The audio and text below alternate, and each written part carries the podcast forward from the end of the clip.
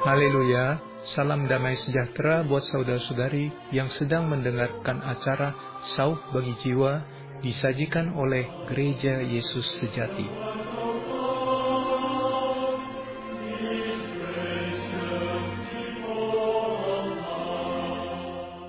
Judul hari ini adalah Puncak Gunung Es. Karena sekarang kita melihat dalam cermin suatu gambaran yang samar-samar tetapi nanti kita akan melihat muka dengan muka.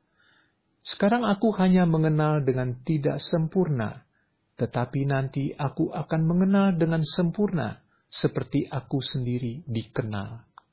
1 Korintus pasal 13 ayat 12 Ujung timur negara Kanada adalah Pulau Newfoundland. Luasnya kira-kira 85% dari Pulau Jawa tetapi penduduknya hanyalah sekitar 500 ribu saja. Pemandangan yang terkenal dari pulau yang terpencil dan tenang ini adalah Gunung Es. Setiap tahun, terlebih pada bulan Juni, banyak wisatawan dari mancanegara datang hanya untuk menyaksikan bongkahan-bongkahan gunung es yang berasal dari pulau Greenland dan yang telah hanyut di laut selama dua tahun gunung es ini tiba di sekitar Newfoundland menjadi sajian pemandangan yang menakjubkan. Saya pernah dua tahun berturut-turut berkunjung ke Newfoundland. Pertama adalah di bulan Mei. Waktu itu hanya sedikit gunung es yang saya temui. Ternyata penduduk setempat memberitahu kami salah bulannya. Karena penasaran, tahun berikutnya kami kembali ke sana di bulan Juni menginjakkan kaki ke tanah yang jarang diinjak kaki manusia ini. Waktu itu pas dua tahun setelah terjadi retakan hamparan luas Gletser Peterman. Retakan Gletser ini kemudian terpecah-pecah menjadi ribuan gunung es mengapung di laut dan hanyut sampai ke Newfoundland. Kami menyaksikan pemandangan gunung es yang luar biasa menakjubkan Mata kami tidak henti-hentinya melesat dari satu gunung es ke gunung es lain.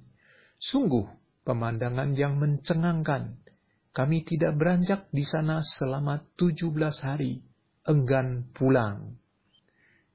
Menyaksikan gunung es yang demikian besar dan tinggi mengapung di atas air, sesungguhnya yang kita lihat itu hanyalah sepersepuluh dari seluruh gunung es itu. Sedangkan sembilan persepuluhnya berada di bawah permukaan air. Menyaksikannya di pantai tentu adalah aman, tetapi bila kita naik kapal untuk menyaksikannya, kita tidak boleh terlalu dekat padanya, karena gunung es itu bisa tiba-tiba terbelah atau terbalik. Itu akan menimbulkan gelombang besar yang bisa membuat kapal terbalik. Hal ini sangat berbahaya. Saya jadi teringat perkara duniawi mirip seperti gunung es kita hanya dapat menyaksikan bagian terkecilnya saja. Kita tidak dapat melihat secara keseluruhan. Bagian terkecil dari gunung es itu tidak bisa memberi jawaban atas banyaknya pertanyaan yang timbul. Banyak kejadian di dunia tidak dapat kita mengerti mengapa begini, mengapa begitu. Seperti tertulis di Alkitab. Sebab pengetahuan kita tidak lengkap dan nubuat kita tidak sempurna. Tetapi jika sempurna tiba, maka yang tidak sempurna itu akan lenyap. 1 Korintus pasal 13 ayat 9 hingga 10. Kita tidak tahu mengapa ada orang yang lahir cacat tubuhnya atau mentalnya. Kita tidak tahu mengapa ada bayi yang meninggalkan dunia sebelum melihat dunia. Kita tidak tahu mengapa ada orang yang baik justru pendek umurnya sedangkan orang jahat malah panjang umur. Kita tidak tahu mengapa orang benar mengalami kesusahan besar, sedangkan orang jahat malah hidup tentram. Ah, terlalu banyak tanda tanya yang tidak kita ketahui jawabannya.